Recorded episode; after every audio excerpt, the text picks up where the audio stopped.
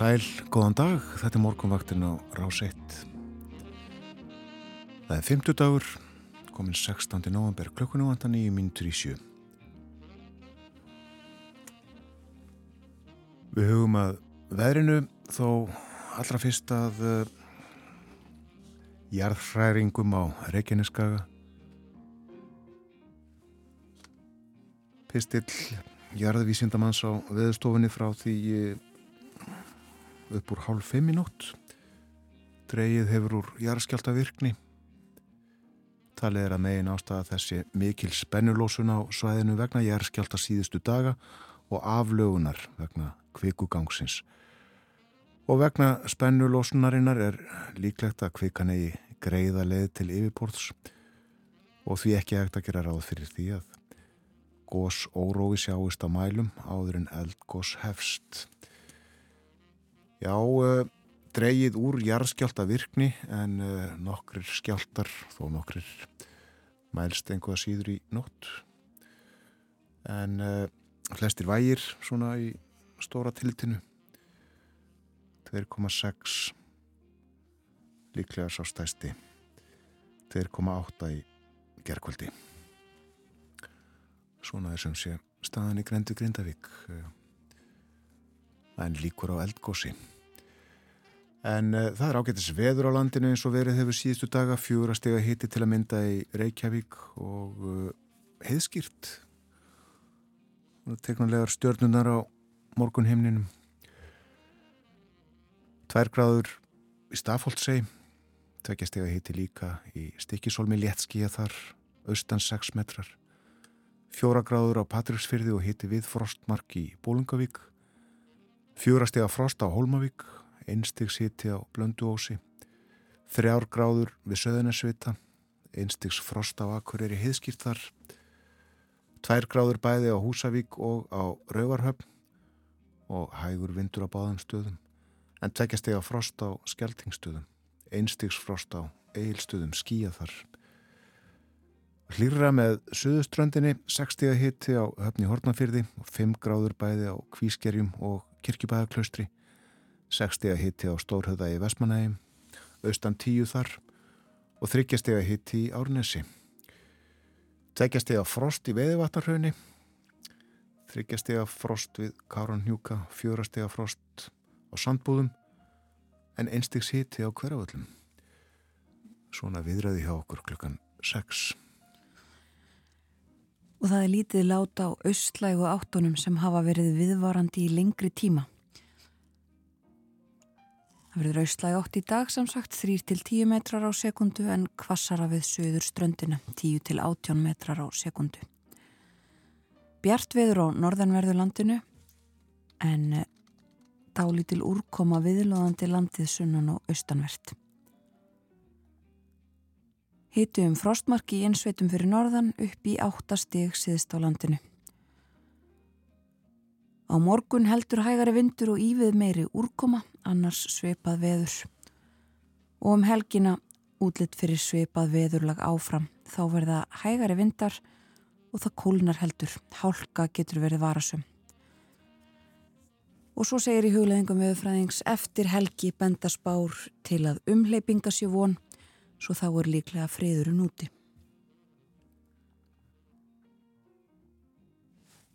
Svona hljómar veðurspáin og uh, það er hálka. Til að mynda hálka á Mósulsheiði, Kjósaskarði, Meðalfellsvegi og Vassleysu-strandarvegi, hálkublettir á Bláfjallavegi. Og það er hálkaði hálkublettir á nokkrum leiðum á Vesturlandi, Víða á Vestfjörðum, á flestum leiðum á Norðurlandi og Norðausturlandi.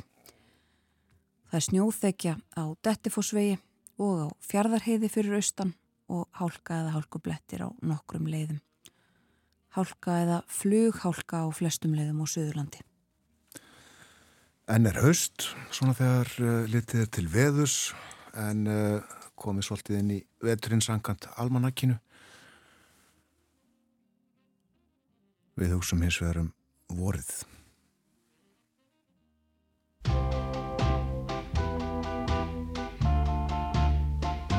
Senn fer vorið á vængjum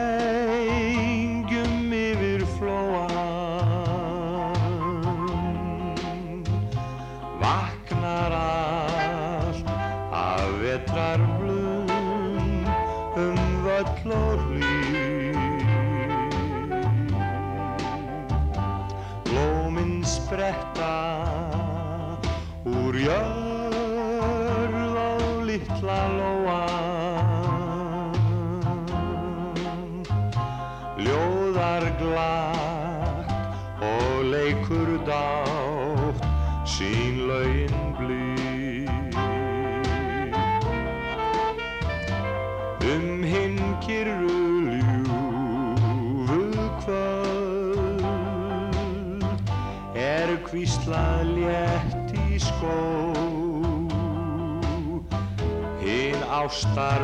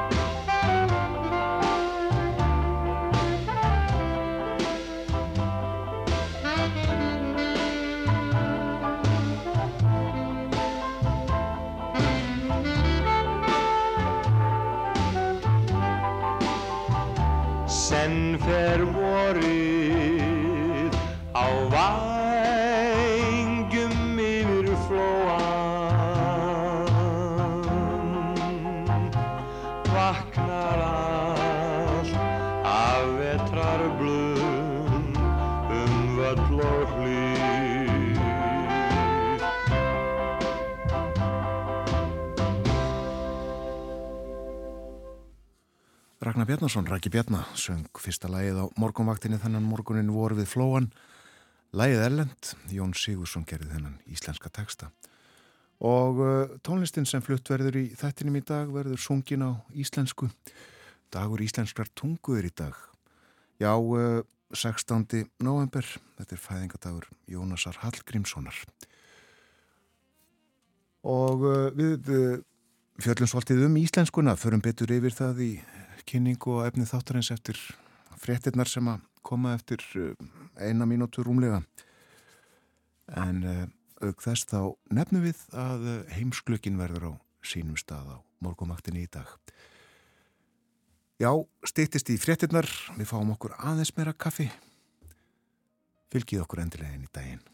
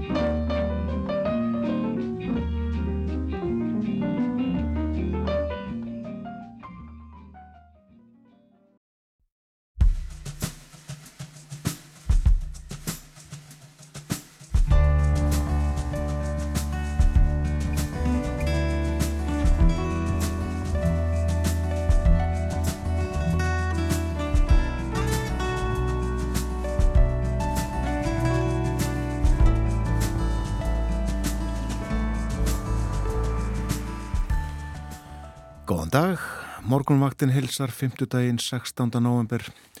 Umsjónið þættinum hafa Björn Þó Sigbjörnsson og Þórun Elisabeth Bóadóttir. Það er fymtudagur og heimsklukkin verður á sínum stað upp úr klukkan halv åtta. Í dag ætlar Bói Ágússon að fjalla um stjórnmála ástandið í tveimur ríkjum, Breitlandi og Portugal. Súnak fórsetis á þeirra Breitlands gerði í vikunni óvæntar breytingar á ríkistjórnsinni og í Portugal saði Kosta fórsetis á þeirra óvænt af sér á dögunum. Og dagur íslenskar tungu er í dag og íslenskan á dagsgrá morgunvaktarinnar við forvetnumstum nýja orðabók en vinnu við nýja íslenska nútímamáls orðabók er nýlokið. Reittstjórar hennar Haldóra Jónsdóttir og Þórtís Úlvarsdóttir verða hjá okkur klukkan hálf nýju og að auki fjöllu við svolítið um verlaun Jónasar Hallgrímssonar og leikum upptökur með ljóðalestri verlunahafa úr röðum skálda. Súdagsgrá verður hér eftir morgun 13. klukkan 8. Og það eru áfram austlægar áttir á landinu, 3-10 metrar á sekundu í dag en kvassara 10-18 við söðurströndina. Örður dálitil úrkoma viðlúðandi landið sunnan og austanvert en yfirleitt þurft fyrir norðan og vestan. Og hitin um frostmarki innsveitum fyrir norðan og upp í áttastega hita síðst á landinu. Heldur hægari vindur og yfir meiri úrkoma á morgun annars svipað veður og þannig verður það líka um helgina. Þá verður þó hægari vindar og kólnar aðeins. Hálka getur verið varasum segir í hugleðingum veðurfræðings. Og þar segir líka að eftir helgi bendis bár til að umhleypinga sér von svo þá er líklega friðurinn úti eins og það er orðað í hugleðingunum Það er vaksandi sunnanátt með hlínandi veðri á mánudag og fer að rigna vestast um kvöldið. Svo ákveðin sunnan og suðvestanátt með rigningu hlínandi veðri á þriðjudag. Og áfram ákveðin eh, suðvestanátt með skúrum og jæljum á miðvöggudag. Um að gera nota næstu daga á helgina til uh, útífistar mælum með því. En uh, við lítum í blöðin, óvissan þjakar íbúa Grindavíkur er fyrir sogn og fórsíðu morgunblöðsins og uh, rættir við Katrínu Siguradóttur Grindviking hún segir já uh, óvissan er það sem er fyrir, erfiðast fyrir Grindvikinga það er ómögulegt að skipa, skipulegja líf sitt fram í tíman og spurð út í líðan þeirra Grindvikinga sem að hún hefur talað við segir hún byðinni vest því að við vitum ekki neitt það væri betra ef við vissum að húsið væri undir hrauni því að þá getum við bara byrjað á núlpunkti. Þessi óvisa er svo ríkalega erfið. Og uh, svo er hér sagt frá skiptum skoðunum meðal jarfræðinga um hverjar líkurnar síu á eldgósi nú. Þorvaldur Tórðarsson, professor í eldfjallafræði. Hann segir í samtali við morgunblæðið að líkurnar á eldgósi séu nú 30%. Áður hafði hann sagt líkurna vera 40% og þar á undan 60%. Eftir því sem lengra líður frá finnst mér draga úr líkum á gósi, allavega á reyninni sem er næst Grindavík. En það getur alveg gósið að þá. Við erum ekkert sloppið með það, segir Þorvaldur. En uh, Ármann Höskuldsson, professor í eldfjallafræði við Jarvísindastofnun Háskólans, segir hins vegar ekki spurningu um hvort heldur hvenar byrja að gjósa.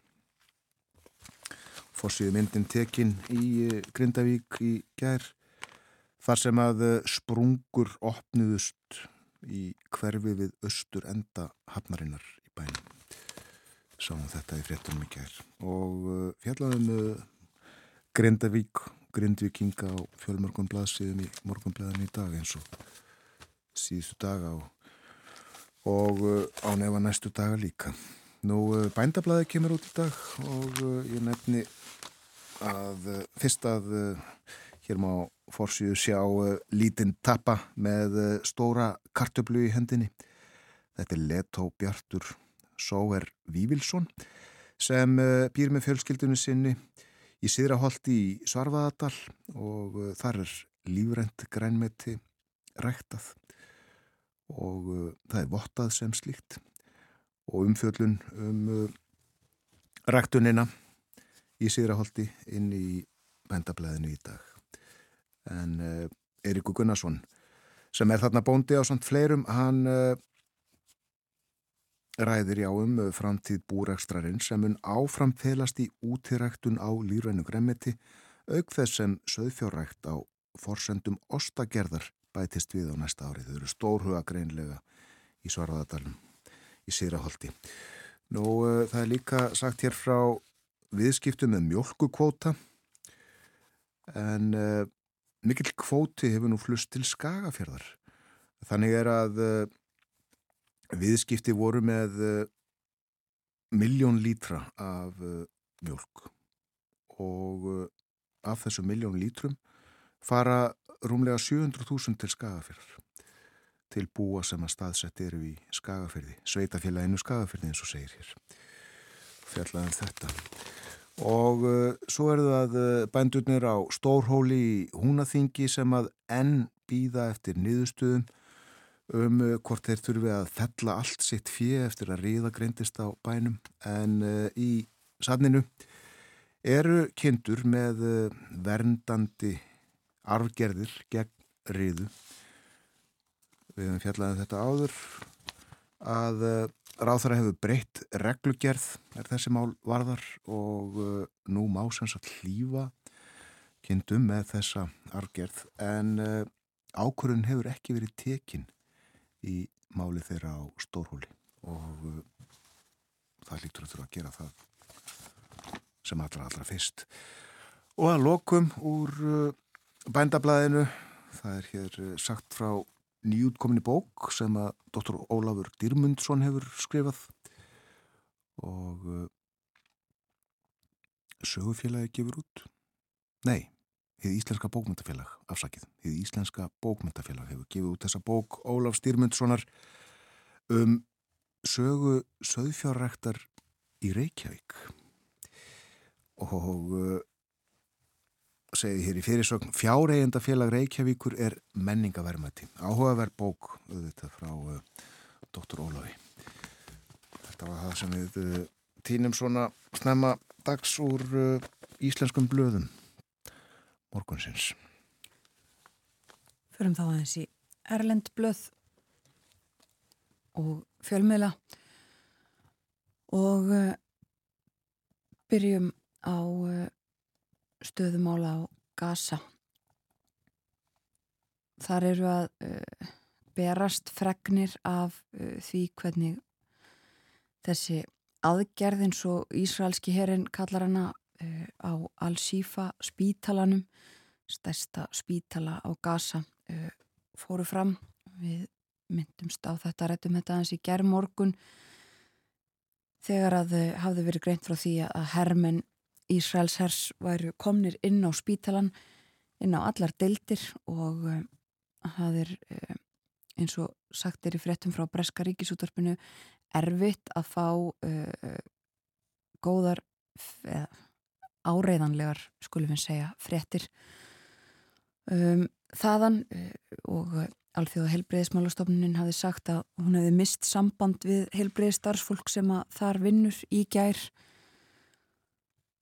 Erfitt að vita hvað uh, nákvæmlega á sér stað. Það hafa þú byrst myndir uh, einhverjar og þær eru á fórsýðum til dæmis uh, Breskablaðsins Guardian mynd þar sem að sjást helbreyðstarfsmenn fólk í, í slíkum fatnaði fara út öllum ungum karlmönnum sem að voru inn á spítalanum var gert að fara út og, og uh, þar var leitað á þeim. Um, palestinumenn segja að einhverjir þeirra ráðist hafi verið á einhverja þeirra það eru mjög ólíkar uh, frásagnir af því sem að þarna átti sér stað. Það hafi verið um, hund, um þúsund uh, palestinskir kallmenn sem að voru leittir þarna út af spítalanum og uh, farið í gegnum hann allan. Ísraelsmenn um, hafa byrt eitthvað myndefni sem þeir segja sína að vopna geimslur Hamas uh, inn á spítalanum og segjast alltaf að byrta meira uh, myndefni. Og uh, hafa líka byrt myndir af um, Ísraelskum hermunum eða myndbönd þar sem að þeir uh, heldu á uh, kössum sem voru mertir uh, barnamatur og heilbreyðis byrðir um, eitthvað sem að sárlega vantar. En talsmenn heilbreyðis yfirvalda á Gaza segja að það hafi ekkert slíkt komið inn á spítalan í raun. Það hafi ekki verið komið með uh, neitt um, neina hjálp, neina byrðir uh, bara uh, hræðslu, skelvingu og dauða það er haft eftir um, manni sem að vinnur á bráðamáttökunni á spítalanum í Guardian og Ímislegt fleira uh, sem að byrtist í frettum af, af þessu málum. Um, Ísraelsmenn hleyftu 25.000 lítrum af eldsneiti inn á Gaza í gær í fyrsta sinn frá því að uh, frá 7. oktober og líka fjallaðum það að í söður hluta Gaza þá gerir nú regning og kuldi lífið en þá erfiðara fyrir þá 20.000 flottamanna sem að þar eru á vergangi samkvæmt saminuðu þjóðunum orði kallt og blöytt líka. Katarar hafa haft forgöngu um uh, viðræður á milli Ísraels og Hamasum að gíslum verði sleft og í gær þá kom Öryggisráð saminuðu þjóðuna sér loks saman um álygtun um lengra mannúðarli og frelsum gísla en í fjögur skipti þá hefur ekki með Öryggisráðsins ekki tekist að koma sér saman um uh, neitt svona. Í Breitlandi þá höfnuðu þingmenn tillögu sem að kallaði eftir vopnalli í gær og eh, við minnum á að við tölum um bresk stjórnmól hér á eftir þegar Bói Ágússon sest við heimsklukkan með okkur. Nú Joe Biden, bandaríkafórseti, hann uh, hefur varið uh, ákverðun sína og, og þá afstöðu að, kalla ekki eftir vopnalli segir að Hamas muni ekki hætta að ráðast á Ísrael og eh, að Ísraelski herin hefði uh, fært sig frá loftarósum og í svona nýtt miðaðri aðgerðir. Og uh, hann rætti þetta þessi mál í, í gær eftir uh, fund sinn og fleiri með Xi Jinping fórsetta Kína.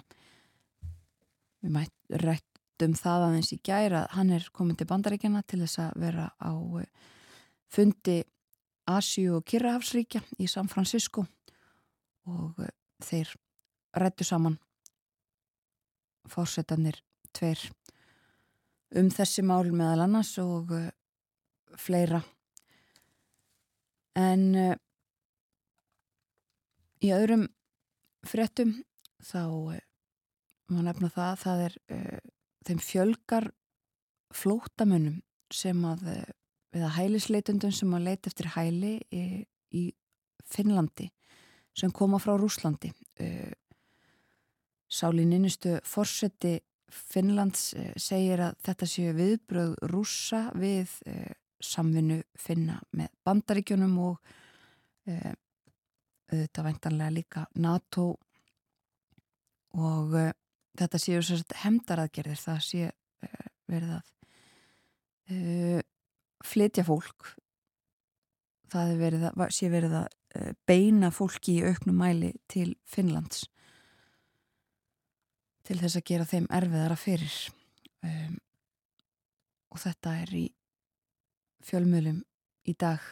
Sumulegðist talaðum það að Európusambandið, framkvæmdastjórn Európusambandsins um, leggur nú fram uh, tóltu uh, refsi aðgerðnar gegn uh, stjórnvöldum í Moskvu og meðal annars á að hefta eða frista eigur ímissa manna einhverja ættingja Vladimírs Putin Rúslandsforsetta, sonar fyrverandi fórsetan Dimitri Medvedev meðal annars það eru 47 á þessum lista sem að verður að ræða um að uh, fara í refsiaðgerðir gegn. og kannski nefna það að lokum að uh, í dönskum fjölmjölum og fórsíðun á politíken þá er uh, sagt frá því að ungir danir neyti kókains sem aldrei fyrr eins og það er orðað og fylst með tveimur ungum mönnum í blæðinu sem að eru neytendur kókains farið með þeim um bæinn. En sem fyrir segir þá ætlum við að tala um uh, bresk stjórnmál hér á eftir þegar Bói Ágússon uh, kemur til okkar. Bresk stjórnmál eru uh, áberandi á forsýðum bresku bladana í dag. Rétt á þess að fótbóltaðin Íslenska Karlalandsliðið leikur gegn Slóakíu í Bratislava í reyðlakeppninni, forkeppninni fyrir Evrópumótið á næsta ári. Leikurinn hefst þegar klokkunum vantar 15 mínútur í átta og liðið hefur verið við æfingar ytra undanförnu. Og uh, svo spilar Ísland við Portugal á sunnudaginn. En uh, það verður leikið við ágættis aðstæður í Bratislava í kvöld sínist mér uh, búist í tíu steg að hita, það verður skíjað en Slovakia er merkilegt ríki það er sjálfstætt í núvarendi mynd núna í 30 ár 30 ár síðan að Tjekkoslovakíu var skipt upp það gerðist í framaldi af falli kommunismans í Östur-Európu og þessi skilnaður Slovaka og Tjekka í Tjekkoslovakíu kallaður flaujelskilnaðurinn gekk allt afskaplega vel, fór friðsamlega fram. En á hólum verður í dag uh, mikil dagskrá. Það verður uh, málþing til heiðus Jóni Bjarnasinni fyrirvirandi skólastjóra bændaskólans á hólum. Það var jú líka í stjórnmálunum, þingmaður og ráþæra. En Jón verður áttræður setna á orðinu. Annan dag jóla held ég, held að það sé afmælistægur hans. En uh, það eru margir sem að uh, taka til máls á þessu málþingi og uh, fyrst bara nefna áslögu Örnu Sigurbjörnsdóttur sem er ráð þeirra háskólamála og hún ætlar að segja frá sín sinni á hlutverk háskólans á hólum til næstu fimm ára og einnig til lengri framtíðar og eflust margir sem að býða spenntir eftir að heyra hvað áslögu Arna hefur að segja um þau mál, heyra um sín hennar til stöðu skólans og hlutverks. Nú, uh, þetta verður af ímsu tægi fjallaðum málefni skólans vitt og breytt en uh, þó ekki bara uh, því til dæmis þá mun sér að Gísli Gunnarsson Víkslu biskup á hólum fjallaðum hólastað skóli og kirkja órjúmanleg heild frá örófi alda. Og Gunnar Rökkvaldsson sem var nefandi á hólum og starfaði þar svo sem ráðsmaður, hann mun fjallaði um samfélag fólksins á hólum á eh, árunum 1980 til 2000, fjallaði um félagsanda og samvinnu meðal starfsfólks og nefenda. Og spyr, er þetta liftistöng framfara og árangus? Og fjölmörg erindi til viðbótar á uh, dasgráð þessa málþings á hólum í dag til heiðus Jóni Bjarnasinni fyrirverandi skólastjóra. Og uh, þá aðeins að uh, stjórnmálunum hér heima, uh, það er ekki þingfundur í dag, nýja á morgun, það eru nefndadagar og uh, fundaði vel flestum nefndum þingsins. Ég vek aðtekli á að uh, á fundi stjórnskipunar og eftirlitsnefndar sem að hefst klukkan eitt í dag, þá er meðal annars á dasgrá nýskísla ríkisendurskoðunar stjórnsíslu úttekt á matvælastofnun eða þeim þætti matvælastofnunar sem lítur að eftirliti með velferð búfjár.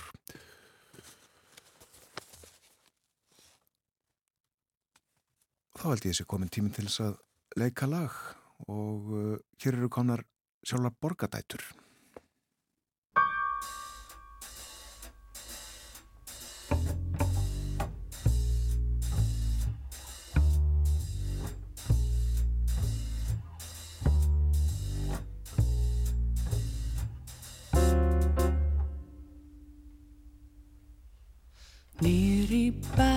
Með bónda mínum í bleiku Chanel draktinni Yves Saint Vilmar um mig alla og Armani á vaktinni. Ég sagði niður í bæ með bónda mínum Best er þá að vera smart Í pelsinum frá felskýranum og fæ ég silfrað eirna skart. Hann er óskinn sem rættist og ástinn sem fættist í mér. Fættist í mér. Hann er alltaf sem einkona þráir í hjarta. Dúbi-dúbi-dúbi, nýður í bæ með bónda mínum, bara mér liftir vondar bra. Með horuflu á báðum leggjum Bonjour make og maskara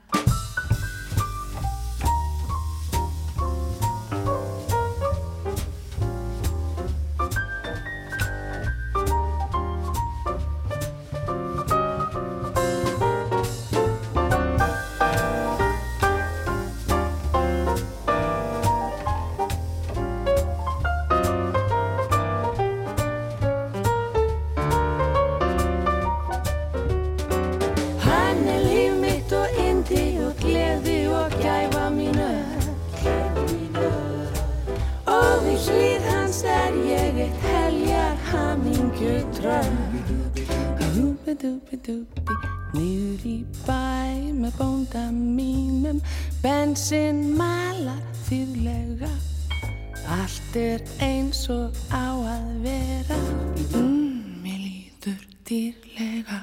Ég sagði niður í bæ með bónda mínum Niður í bæ með bónda mínum Niður í bæ með bónda mínum. Ó, mér líður dýrlega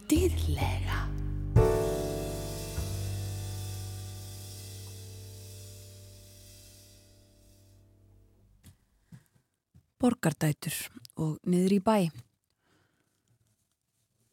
Við leikum íslenska tónlist á morgumvaktinni í dag en það dagur íslenskrar tungu og eh, ræðum líka um íslenska tungu á eftir eh, til okkar í síðasta hluta þáttarins koma þær Haldóra Jónsdóttir og Þordís Úlfarsdóttir. Þær hefa nýlokið eh, vinnu við fyrstu íslensku nútímamáls orðabókina. Það er alltaf að segja okkur frá henni og ræða ímislegt annað þegar þær koma til okkar upp úr klukkan halv nýju. En nú er að koma sér fyrir hérna hjá okkur Bói Ágússon. Hann sest við heimsklukkan að loknu yfirliti morgunfrétta sem er næst á dagskráni.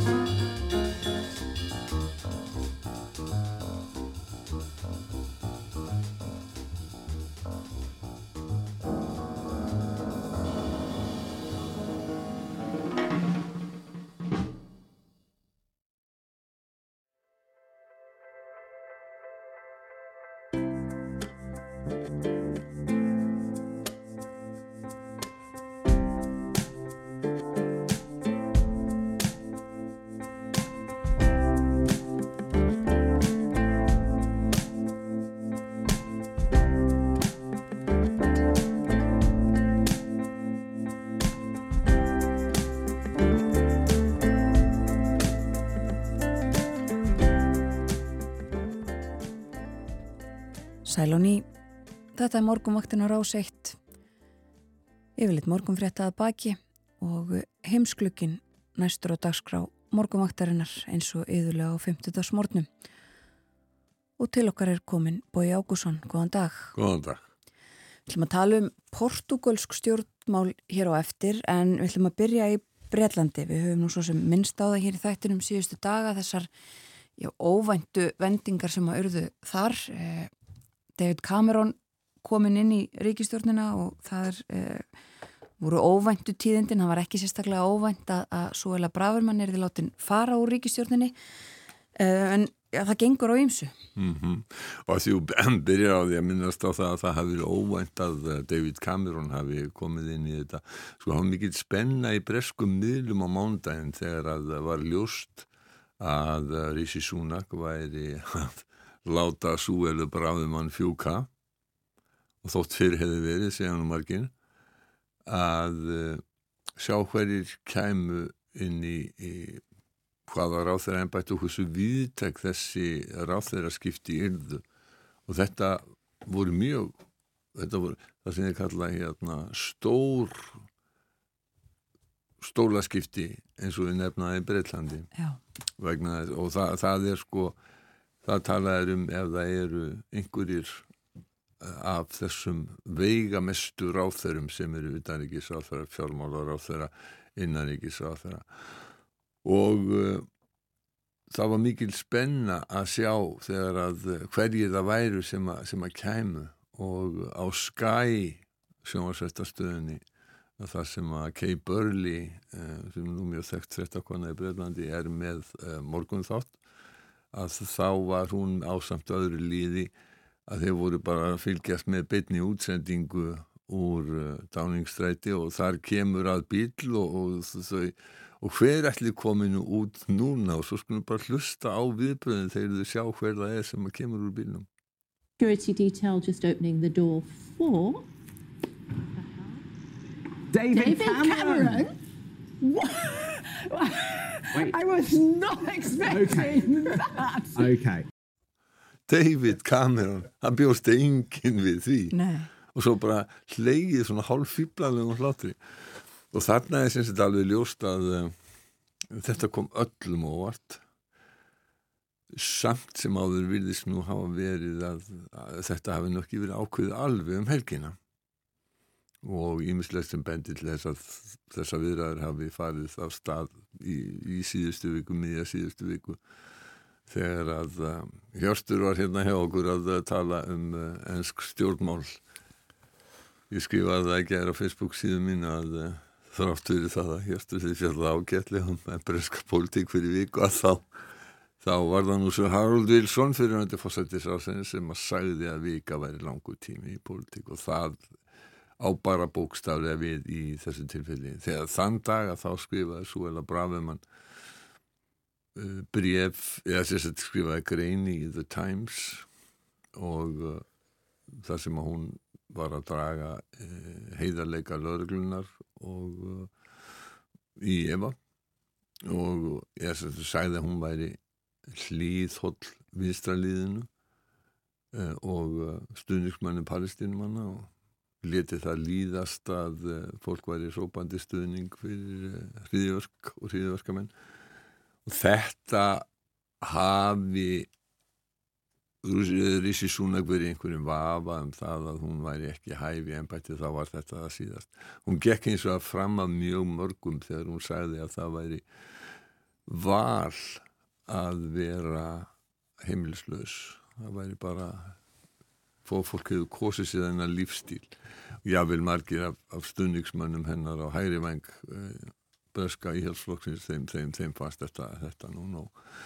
Nú og uh, síðan kemur í ljós að þetta er umtalsverða breytingar að, að James Cleverley fer úr utanrikiðsraðundinu svo að Cameron komist þar fyrir og hann fer í staðinn fyrir uh, Súvelu Brafumann í innaríkisraðunitið. Innaríkisraðunitið er svona ekkert ósip og var fyrir svona 10-15 árum á Íslandi þegar að það var dómsmálaráðunitið og svona öryggismálaráðunitið og allskynsluti sem að voru þar sem að síðan hefur verið skipt upp á Íslandi. Þannig að þetta er mjög mikilvægt ráðanýtt í Breitlandi uh, það sem að gerist hins vegar sko, hvað er Rissi Súnak að gera. Hann er, margir er að segja hann sé að leita inn á miðjuna og það hefur erkt þá sem eru lengst til hægri floknum þeir eru mjög fúlir um, yfir þessum breytingum.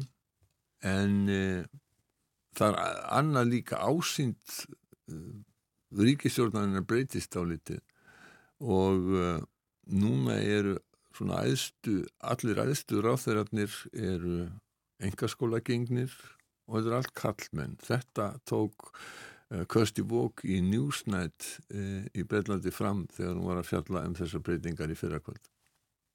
It's certainly posher at the top of the cabinet. The first time in more than 50 years that the top four jobs are all held by former public schoolboys. And the first since 2010 without a woman in any of the top five cabinet posts.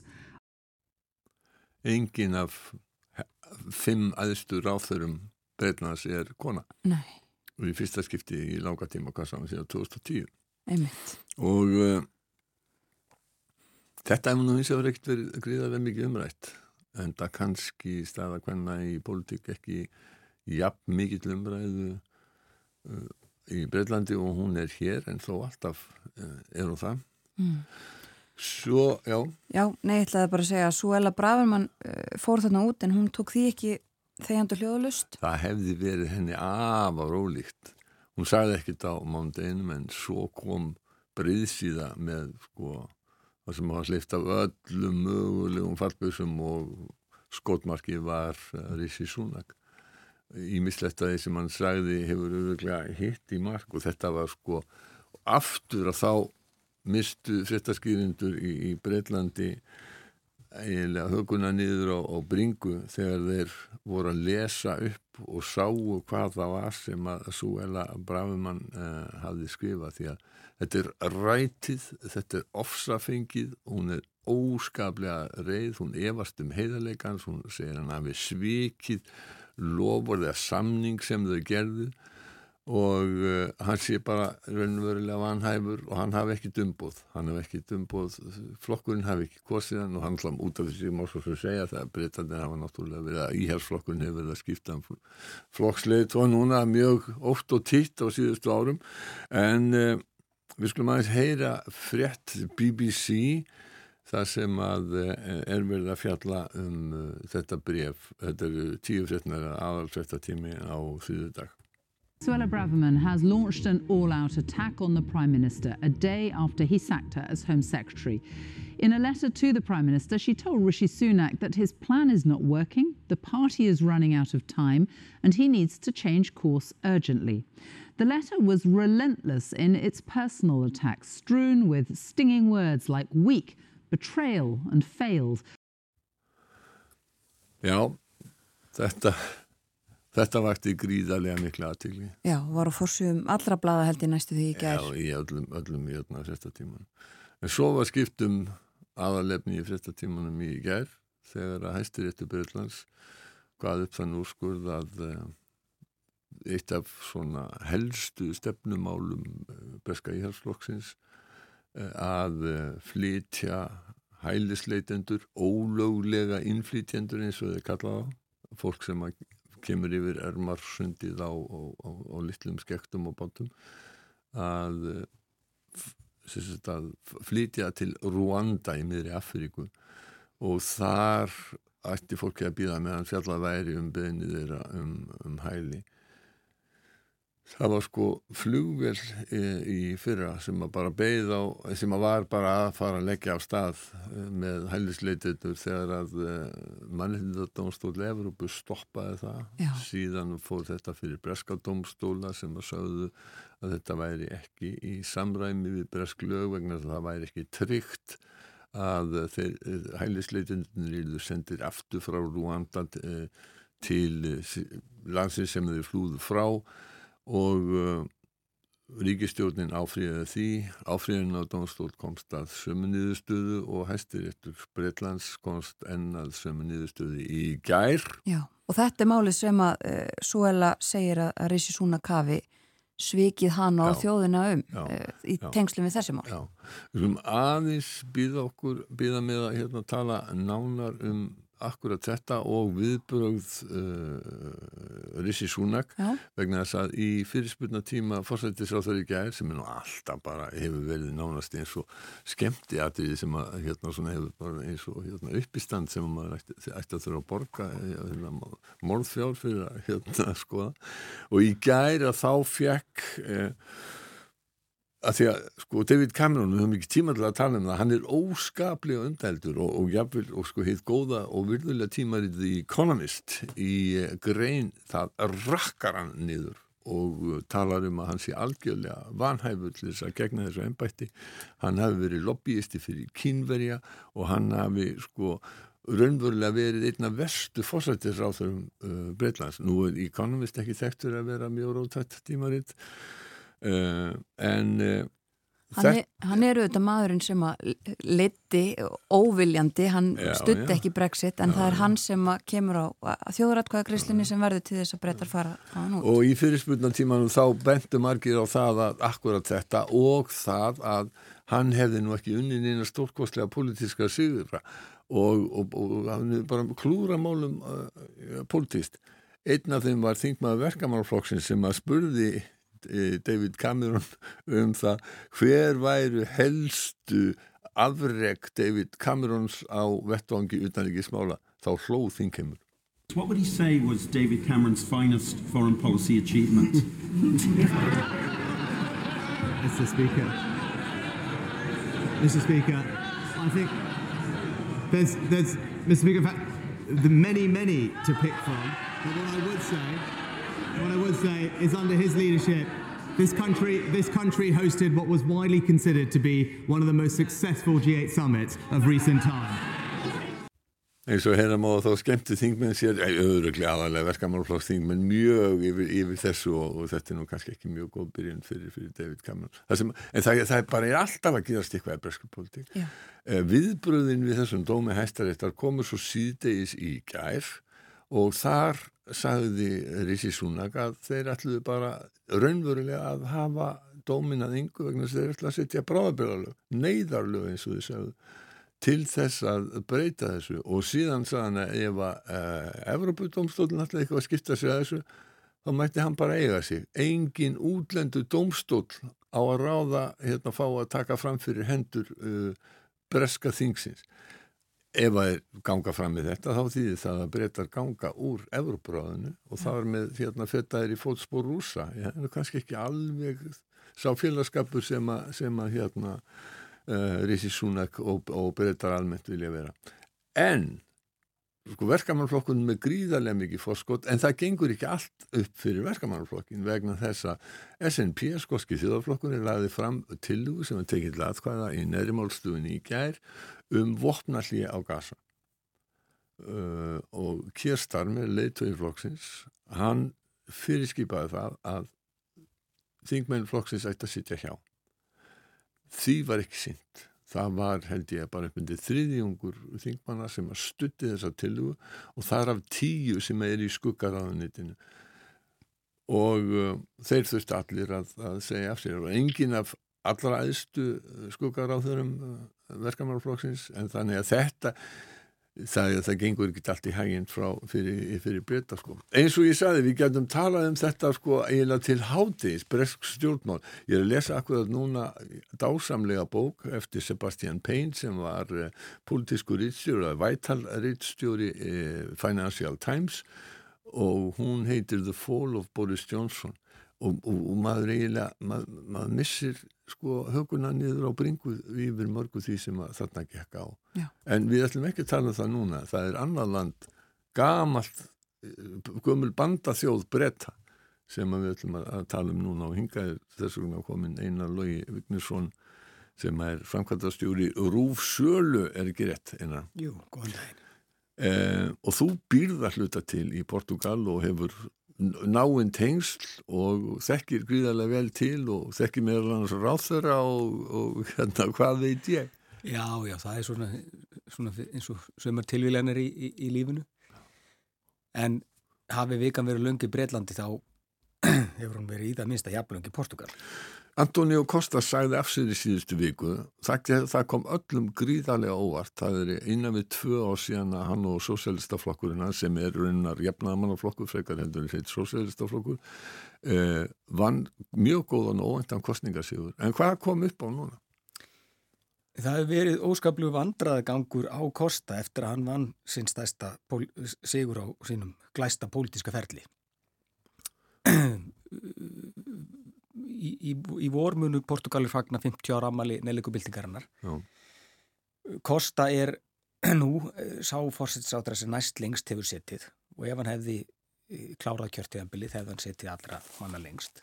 Og margir töldu að næsta skrefir þann er þið fórseti 2026 og þá hefði hann staðið upp sem, uppi sem konungur uh, portugalskra stjórnmála. Síðustu, Já, hann var borgarstjóri, hann var borgarstjóri í Lissabon áður en hann var fórsættisáþur 2015.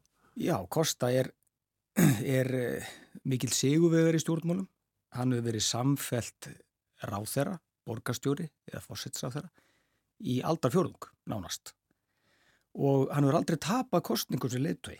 Hann vann í þrýgáki í Lissabon og nú og hann hefur unnið þrennar þingkostningar í röð og gert það sem engum fósittisáður hefur áður tekist að bæta við sig atkvæðamagn í hvert sinn og nú síðast uh, hlaut hann ríflega 41% atkvæða. Það sem að það, það eru ákveðin svona líkindi með vandraðaganginum á í Portugal og Englandi en sá reygin munur er að stjórnskipun Portugals er ólík enn í bresku. Mm. Þeir eru náttúrulega með fósetta, ekki konung. Það eru meirinn hundra ára síðan þeir aflöðu konungin og, og fósettin hefur um talsverðu völd. Hann hefur vald til þess að rjúfa þing og fósettar Portugal hafa beitt þessu valdi í þrýgang síðustu ára tíuna og það eru alltaf verið þannig eins og núna að það er hægri fórseti sem fellir vinstri stjórn og fyrir 20 árum var það vinstri fórseti sem feldi hægri stjórn og núverandi fórseti Marcelo Rebelo de Sosa sem er alltaf kallaði Marcelo meðan að Antonio Costa er kallaði Costa, þetta er svona sem með fótboltamennina það er mjög sent hvaða nöfnir hérna eftir hann á bakkina um skýrðanöfnið eða fjölskyldunöfnið og Marcelo var búin að, að gefa þú útgagvart Costa að ef að þessum vandraði gangi myndi ekki ljúka að þá myndi hann grípa inn í það eru hátt í tólf ráþerar og undirráþerar sem að þurft að segja af sér vegna ímissa vandraðamála töðar að hafa tengst portugalska ríkisflugfélaginu TAP sem að þurft, þurft að þjóðnýta í COVID og starfsloka greiðslu til fórstjóra og þar þurfti Petru Núnu Santos sem var innviðar á þeirra að segja af sér og, og þá tók við Sjóka Lampa sem að var líka knúin til afsagnar eftir að eftir að Kosta hafi reynda þráast við í marga mánu að láta hann fara.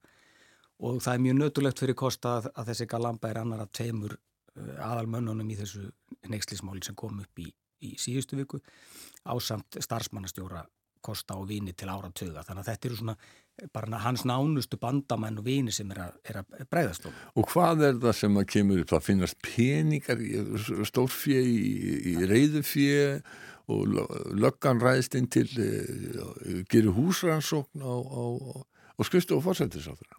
Þessi, þessi mál eiga, eiga, eiga rót sína í því að, að, að Portugalir fengu eins og öll Európu lönd innan Európusambandsins geysir mikla fjármunni frá Európusambandinu eftir COVID til að endur þessa efnaðskerfið. Og, og þeir kalla þetta basúka peningana sem er svona dreytað yfir allt mm -hmm. og mhm. þeir ákveða að setja nán, megni að þessu í græna orku vegna þess að orkuverði í Portugal er óskaplega hátt og það var, eh, raforkukerfi var engavætt af hægrimunum og svo aðgerð þótti mjög missefnuð, þeir setju uppi með tæsta raforkuverði í Európu og þeir fóru í, uh, voru að undirbúa reysa framkvæmdir við að byggja geysilega stóra vettnisvesmiðu uh, í Hafnaborg sem heitir Sines og er miða við á milli Algarv og Lissabon og Sólarorku verið jafnframt og líþjumnámur í norðu Portugal til þess að búa til e, e, e, rafluður fyrir ramaspila mm -hmm. og þeir fóru hansi mikið fram úr sér í öllu þessum framkvæmdum og fengu óhefnilega aðila til þess að veita þessu fórustu og, og þetta er búið að vera í umræðinu núni í eitt og halvt ár. Þanga til að, að, að eh, saksóknara gerðu húsleitt í empatisbústað fórsættisáþara og á skrifstofum uh, inn við ráþarans og, og, og hérna starfsmannastjórans.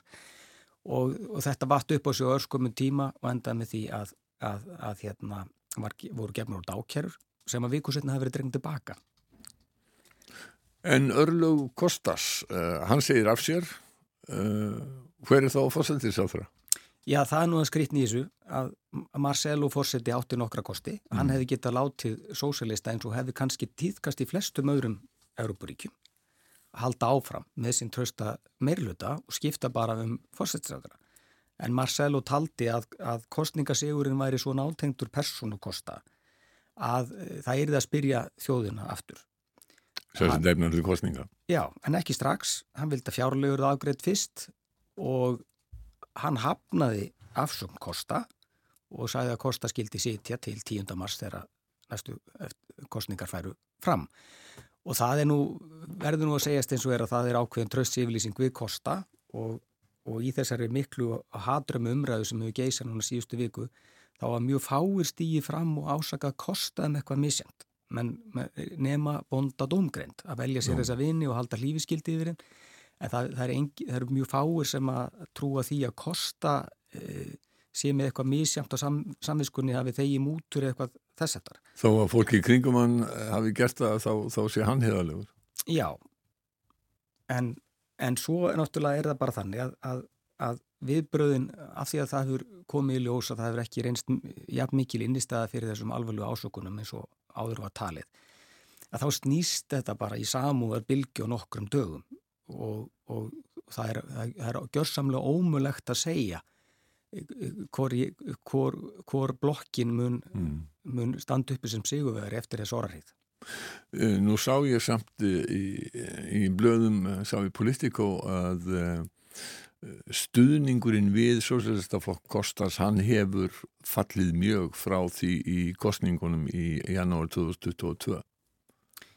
Hann hefur gert það, en þeir eru nokkur inn á sama stað núna eins og þeir voru fyrir síðustu kostningar. Já og, og það sem verra er fyrir hægri blokkina og fyrir þá sem vilja jafna í portugalsku stjórnmálum að þá er, hefur PSD sterkasti hægri blokkurinn uh, fallið líka þannig að, að nýðustan er bara gríðarlega dreifing á atkvæðamagni og öfgaflokkar til hægri og vinstri hagnast mest á þessu ástandi. Þannig að það er ekkit augljóst hvað tekur við í portugalsku stjórnmálum nema það að kosta sýtur fram til 10. mars? það er gjörsamlega ómöld að segja í hvað átt þetta fer eh, en því miður verður að segja þess að þetta er mikið áfall fyrir Portugal Já. og það er ákveðin hætt á, á og alveg ljóst að verður mun veikari stjórn og, og álitslekkir nekkir auðvitað fyrir landið sem hefur hreikt sér að því að vera mun minna spilt heldur en ágrannlöndin Spátn og Ítalja. Já, einmitt. Þetta er uh, land sem að við þekkjum náttúrulega bísna vel svona á yfirborðinu vegna þess að fjöldi Íslandinga ferðast og hefur farið til Portugala, alveg náttúrulega sólastönd til Algarvi en það er margt miklu, það er miklu meira að sjá í Portugal og að fylgjast með í þessari þjóð sem er svona daldi í skugganum af stóra bróðurspáni en eh, við höfum ekki lengri tíma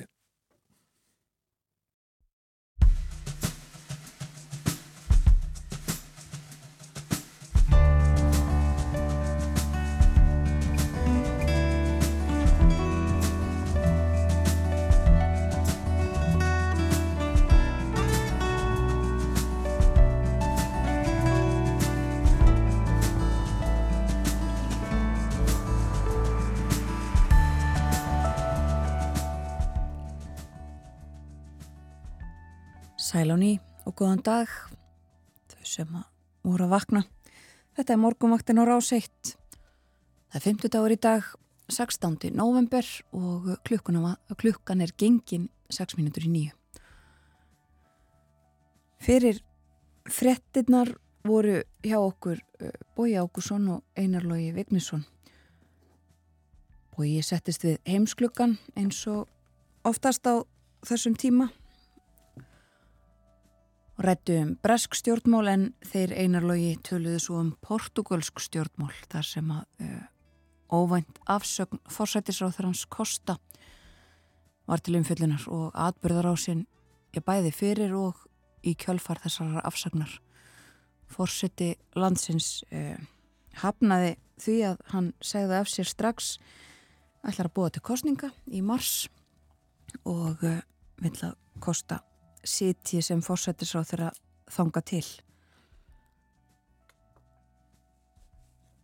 Og eh, já, það er 16. november eins og nefnt var og það er dagur íslenskrar tungu. Í síðasta hlutu þáttarins þá ræðum við um orð, íslensk orð, nútíma máls orðabók er eh, tilbúin, fyrsta útgáfan eða eru orðabækur kannski aldrei tilbúnar. Það er að segja þær sem ekki kom út á brendi. Við ætlum að tala við þær Haldur og Jónsdóttur og Þórdísi Úlfarsdóttur sem að réttstýrðu þessari nýju íslensku nútímamáls orðabók og eh, tölum við þær um orðabækur almennt líka og kannski sé eitthvað fleira sem við kemur íslenskunni. En íslenskan er á dagskrá þessara síðustu klukkustundar morgunvaktarinnar í dag. Og uh, nú ætlum við að hlusta á uh, íslensku, sungna eða lesna eða flutta með einu með öðrum hætti. Já, uh, 16. november, þetta er fæðingadagur Jónasar Hallgrímssonar, hann fættist 1807 og það má svo sem geta þess líka 50 árum setna, 1857, þá fættist Jón Sveinsson nonni sem uh, aldrei skrifaði líka. En uh, við setjum lag á fónin, það heitir Einn Læðir Erlend, það er franst eftir eh, franska tónskáldið eh, Michel Lugrat en uh, textan gerði Bræði Valdimar Skúlason sem uh, einmitt hlaut á síðasta ári verðlaun Jónasar Hallgrímssonar. Heiða Árnadóttir syngur, Gunnar Gunnarsson leikur á piano. Einn, líkt og regnbói í myrkri Líkt og jörð sem engin ann. Líkt og æfi sem er sóað. Líkt og ljóð sem engin kann. Líkt og minning sem að dopnar Líkt og mark sem engin nær. Líkt og málverk sem er hulið Líkt og rós sem engin fær. Líkt og ljós sem hefur sloknað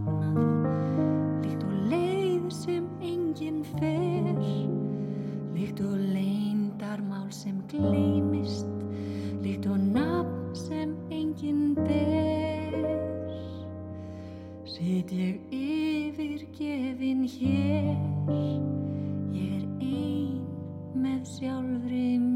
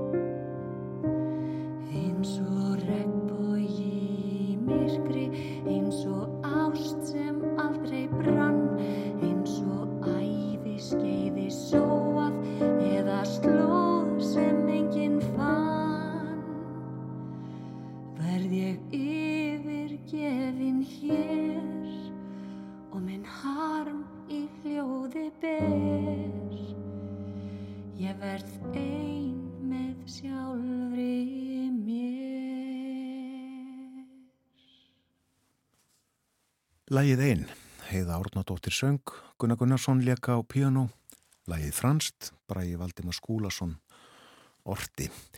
Bræði Valdimar hlaut verðlun Jónasar Hallgrímssonar á síðasta ári og verðlunin verða veitt í dag.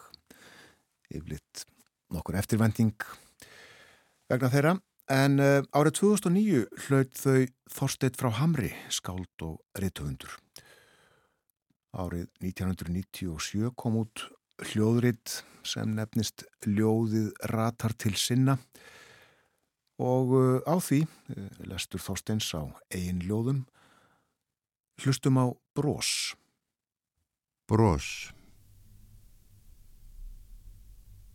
Einu hausti hef ég að fullu glemt en áðan barst mér að vitum veður þess ilmblær. Og svo létti þokunni, sjá, þar sem áður var auðn, ríkir brós. Skall þokan á til að það geti kviknað með lend. Svo ferð við gjarnan sem er feimið að upplægi og svo best það sé ekki ofsjón, hilling af engu. Þér ósér blægnu fræ. Hús, fólk, gardar, götur, sveimfarir, nauðir og náðir, sem gleimist, tínist, glatist, fyrir eitt undur hugans, stutta svip stund. Þorsteit frá Hamri las ljóðu sitt brós. Þorstein hlaut verðlun Jónasar Hallgrímssonar 2009. En 1998, þegar verðlunin voru veitt í þriðasinn, þá var eh, handafið þeirra Þórarinn Eldjárn reytuhundur. Og eh, árið 2003 þá kom út plata sem að nefnist Ljóð, Hljóð og Óhljóð og þar voru á ferð þeir feðgar Þórarinn og sonur hans Kristján. Kristján var gítarleikari, hann lést vorið 2002 aðeins þrítur en fá einum árum áður höfðu þeir feðgar unnið saman, Þórarinn Ort og Kristján samið og leikið á gítar. Þeir gerðu þetta saman já en uh, þó í sundur því Þórarinn var á Íslandi í Reykjavík en Kristján í Finnlandi. Og uh, þarna eru sem sagt ljóð Þórarins og uh, gítarleikur Kristjáns og uh, við setjum af stað verk sem nefnist öfumegin framúrstefna.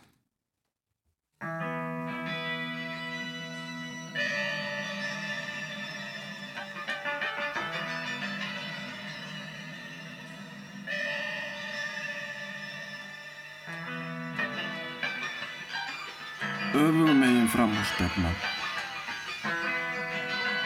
Rauk ég upp úr rúminu, rugglaðist í húminu, öfugum eigin fram úr fór, feillin reyndist ansi stór, rúmi var hjá vegnum, veggin flög ég gegnum.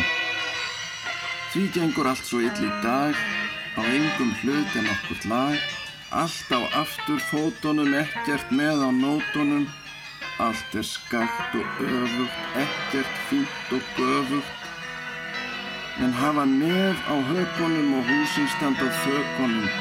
Bananaði breytt í hurð, brauðsneiðina neðan smurð. Á páli sterka er postkassi, á posthúsinu brjóstkassi.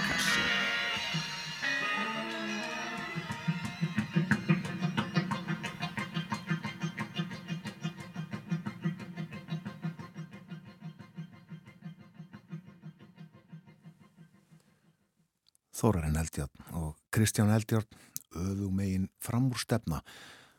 Við vonum auðvitað að uh, allir fari réttum megin framúr í dag.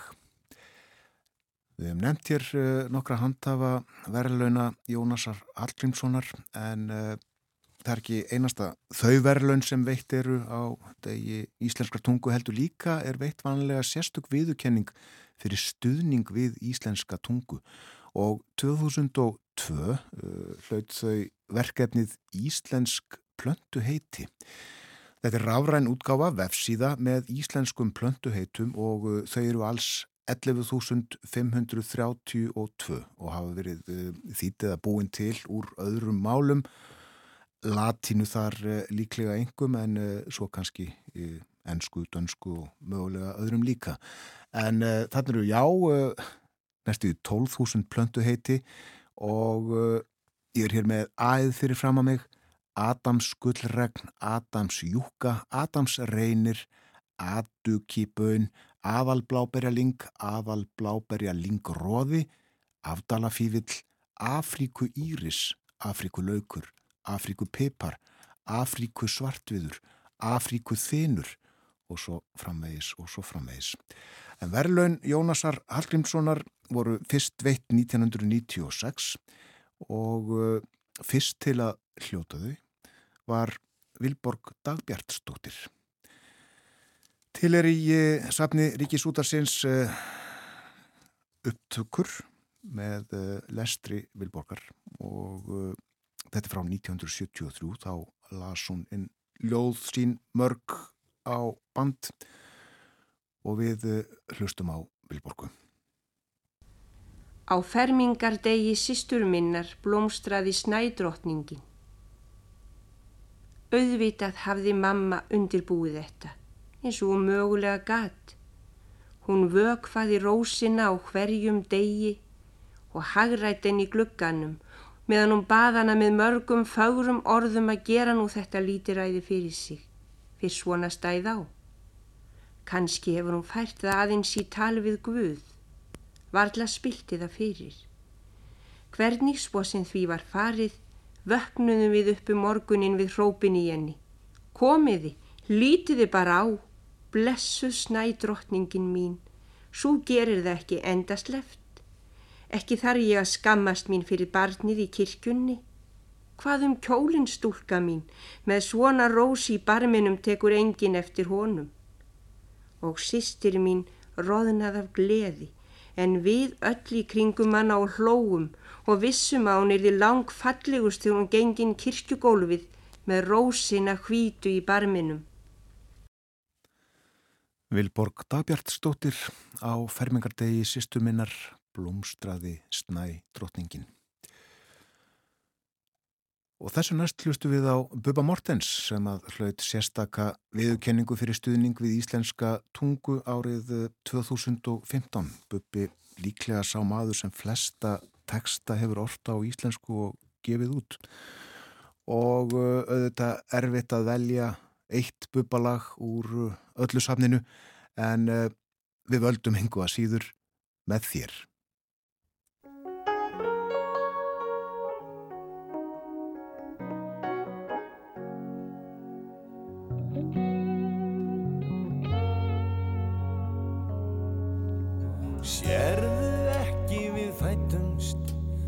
Standa hlið við hlið og halda út á eigin saman og líta aldrei við. Með þér vil ég verða gaman og ganga lífsins vel. Með þér er líf mitt ríkara, með þér er ég bara ég.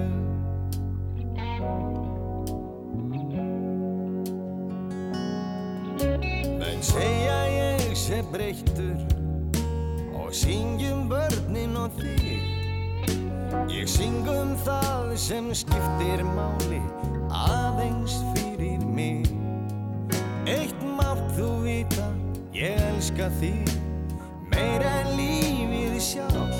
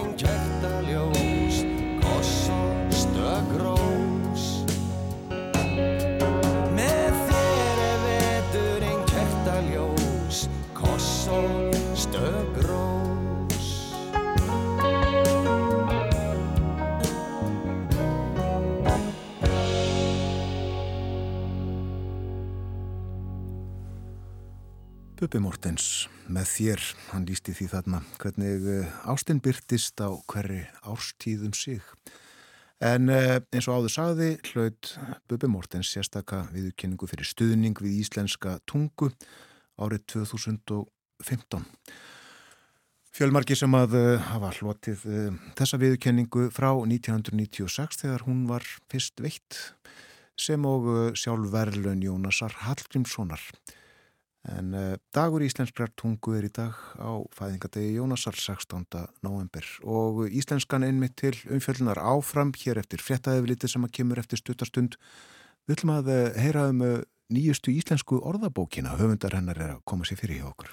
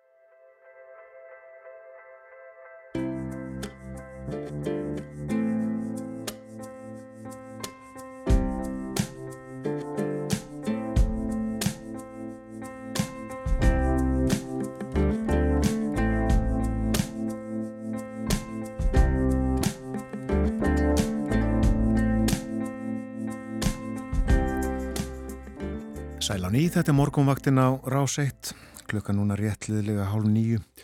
Það verður ágættis veður á landinu í dag, líkt því sem verið hefur síðustu daga. Vindurinn östlægur og uh, vindhraðinn svona að tíu metrum á sekundu víðast hvar þó kvassara við suðuströndina.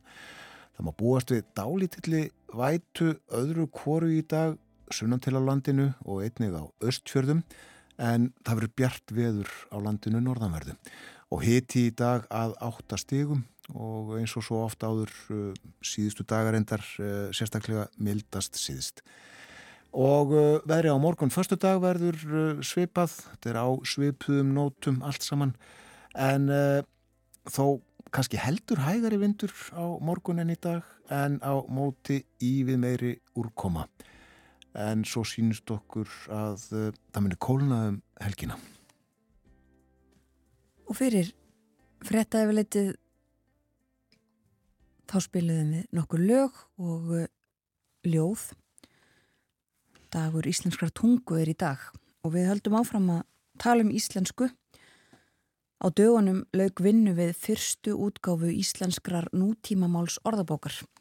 Bókin hefur verið í vinslu í næstum tíu ár og hefur verið aðgengileg sem verk í vinslu frá árunni 2016.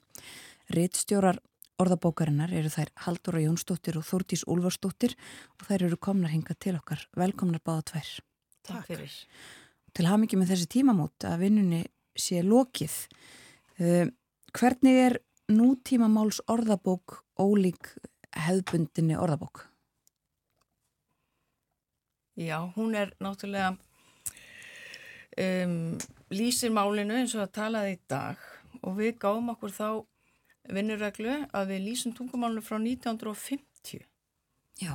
og uh, 1950 til okkar daga og svo erum við líka meðvita, meðvitaður um það að uh, skólanemundur þeir þurfa eldra mál skáldamál og hvað maður segir já svona bara úr eldra málfari Mm. þá eru líka orð slík tekið með Já, einhver sérvalin. Já, sérvalin. Já. En hvernig, ég kannski fyrir það fyrsta, uh, var einhver ástæða fyrir árinu 1950 eða bara það svona mið síðasta öld? Við þurftum að setja eh, eitthvað viðmið einhver staðar og þannig að mið 20. öldin hún var heppilegur staður til að miða við en þetta er allt svolítið flæðandi, þetta er, það er ekki hægt að setja neins skörp skil í tungumálið uh, við neitt ákveðin áratug. Nei. Þetta var allt svona bara um það byl þetta. Já, það er auðvitað ekki þannig að það breytist eitthvað alveg á, á, á örskot stundu. Nei, yfirleitt, yfirleitt gera það það ekki. Nei.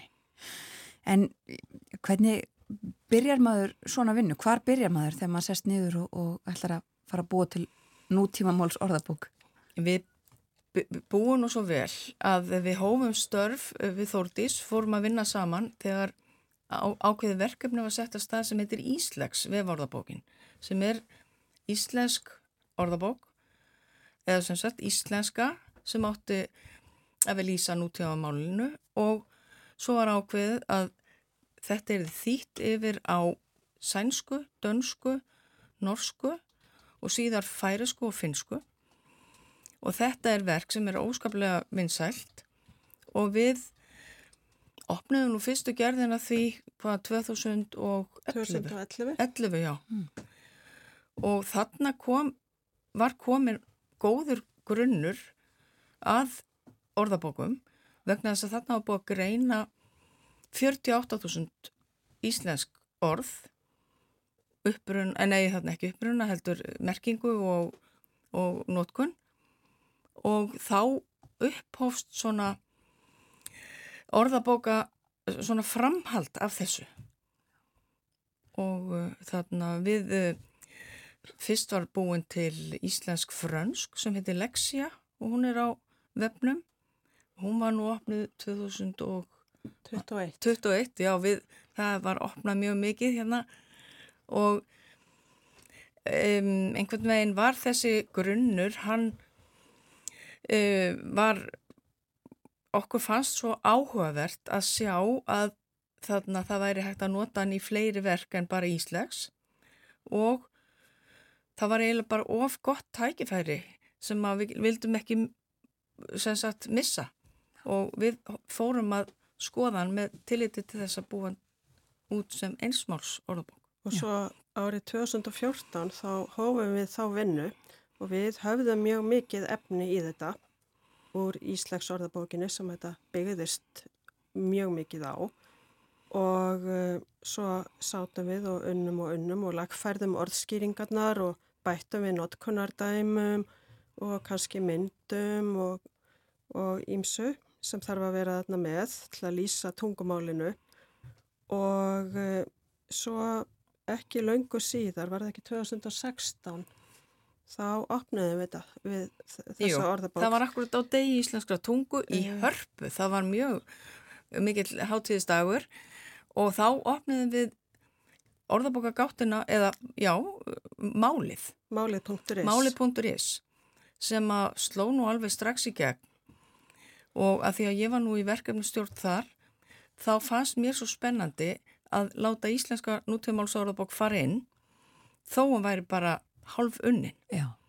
Og það er svo skaman með vefin að fólk er bara þakklátt fyrir upplýsingar og, og ef það eru villur eða eitthvað svona þá uh, sendir það ábendingar og við sem bara við lögum, lögum þetta, þakk fyrir ábendinguna. Þú veist, það er ekki þess að prentullur eins og í gamla daga. Já, einmitt. Það er einfaldar að leira þetta.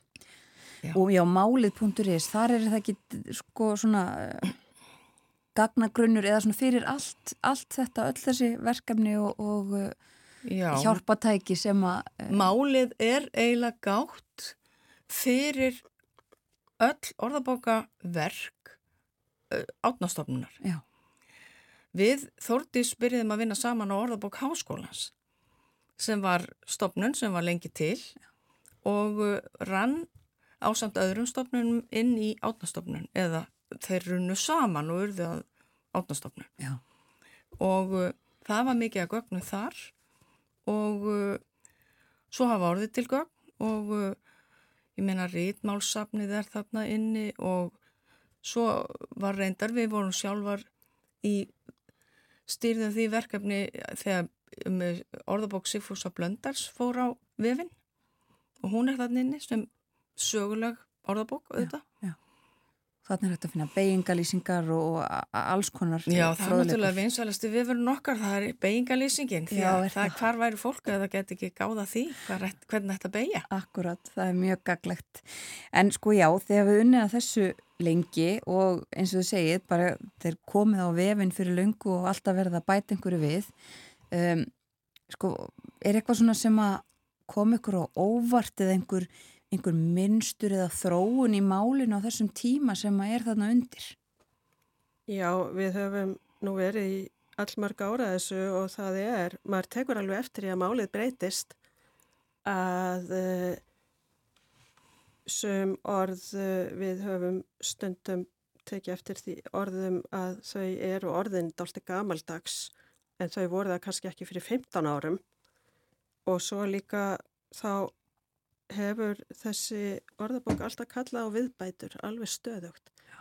Við bætum reglulega inn nýjum orðum og e, fyrir svona þremur árum þá bættum við inn 5600 orðum bara á frekar stöttum tíma af því að við, e, það er hérna mjög stórt tekstasafn sem heitir Reisamálhildin sem er líka unnið á orðnastofnun og við lögðumst yfir það og fengum þar tíðinni lista, eh, tíðinni ræðaðar skrár og fundum bara fullt af nýjum orðaforða sem að við sáum að þyrsta bæta við orðabókina.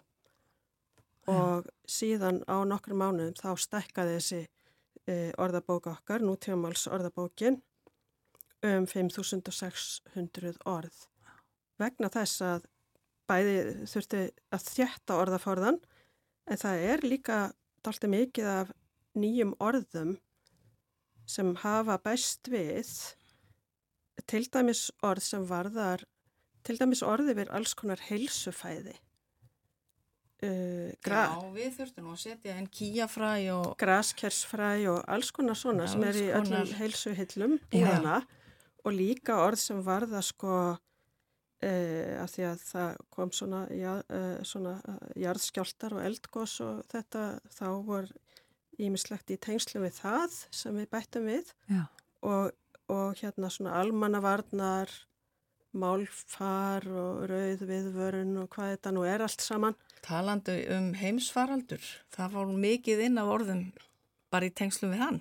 Akkurat, þannig að það er stöðut verið að fylgjast með og, og breyta og, og bæta inn. Já, og svo eru notendur mjög duglegir að hafa samband af því að þeir geta haft samband með því að íta á ákveðin takka hann inn á vefnum. Og þeir koma oft með tillögur á nýjum orðum.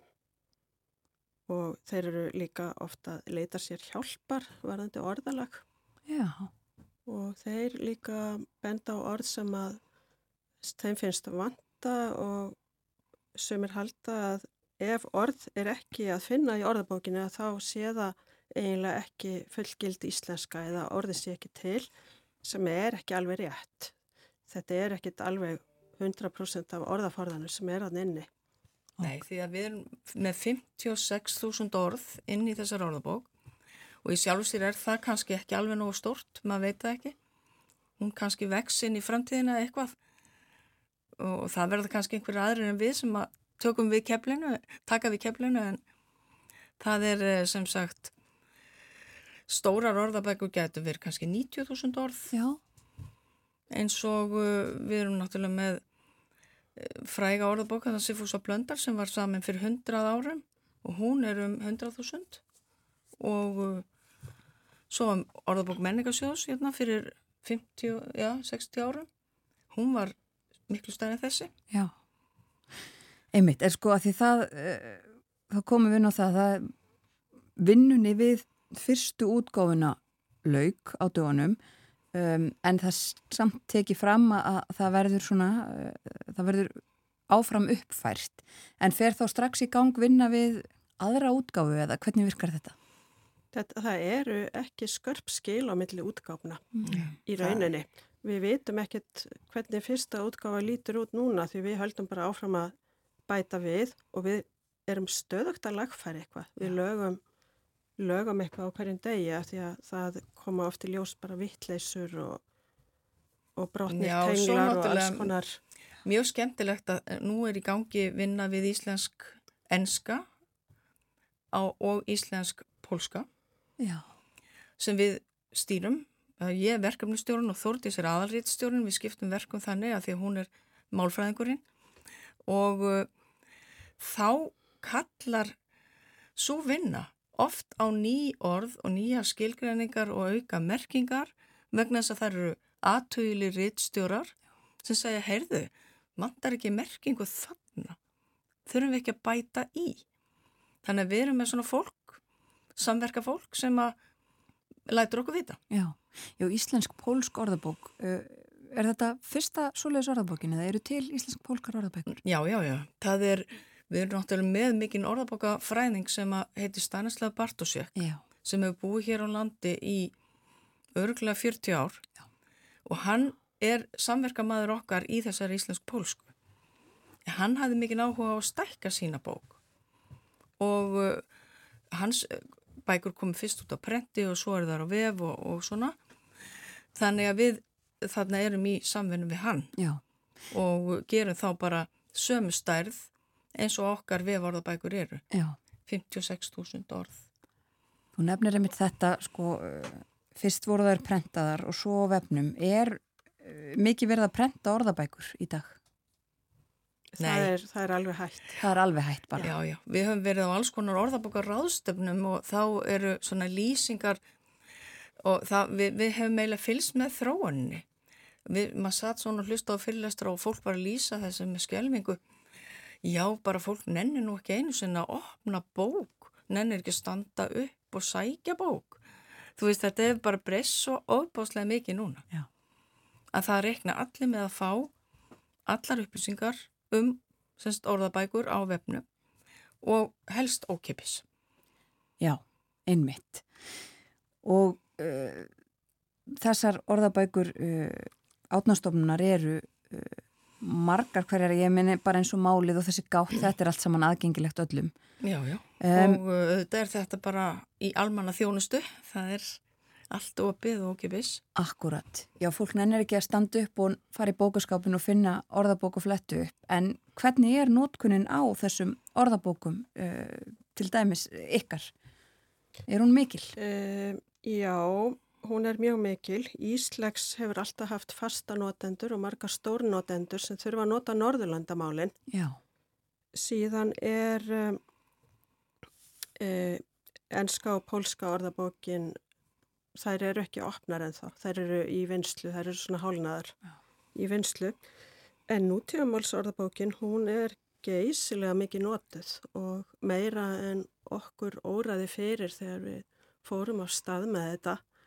Uh, það er uh, mörg þúsund heimsóknir á dag í þessa orðabók og við finnum það að, að því að notendur eru svo döglegir að hafa samband að það, þeir eru, það eru bara allir sem nota þetta virðist vera skólanemendur jæmt sem fólki í, í ráðunættum og stjórnsýslu. Það er allur, öll breytt mannlífsins er þarna.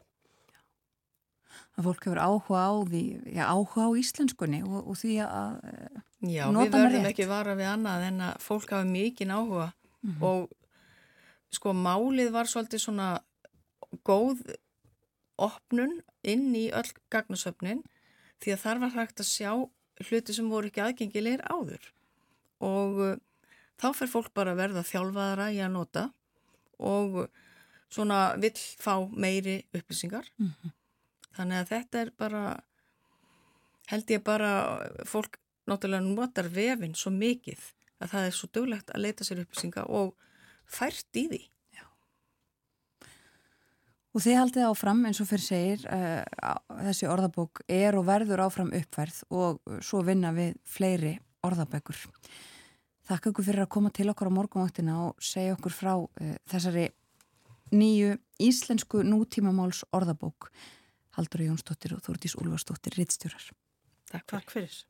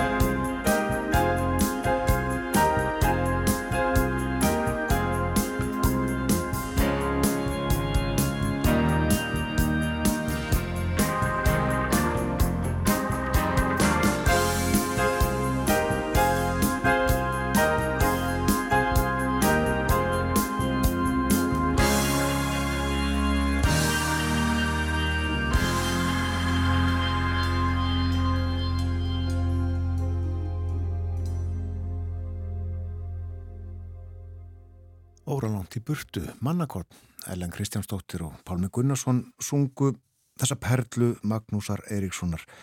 Sá hefur nú góð tök á íslensku. Já, sannlega. En eh, dagur íslenskrar tungu í dag og af því tilöfnum tulluðum við hér áðan um uh, orðabókina sem að uh, nú er orðið fullmótað verk með sínum 56.000 orðum. Þetta er á vefnum og allir hafa aðgang, allir komast að í gegnum tölvurnar sínar. Reitstjóratin hjá okkur áðan uh, kom þó ekki fram sem við vitum að uh, þessi orðabók hún á sér vinnuheiti.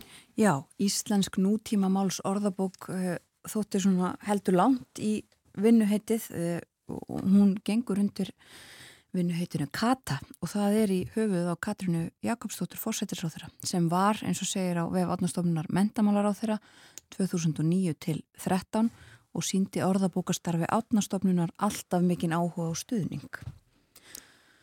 Og þær sögðu okkur frá uh, já, þessari orðabók og þessum vef átnastofnunar málið.is líka sem að uh, hægt er að nota og þar er hægt að fara inn á þessar orðabækur, beigingalýsingu og ýmislegt fleira. Gaglegt. Það komið að loku morgumvaktarinnar í dag. Klukkan alveg að verða nýju, við fáum fréttir klukkan nýju, við setjum hér Björn Þór og Þórun Elisabeth síðan fyrir sjö í morgun. Og þátturinn verður á sínum stað í fyrramálið þau kom samfélgina á degi íslenskar tungu. Verðið sæl.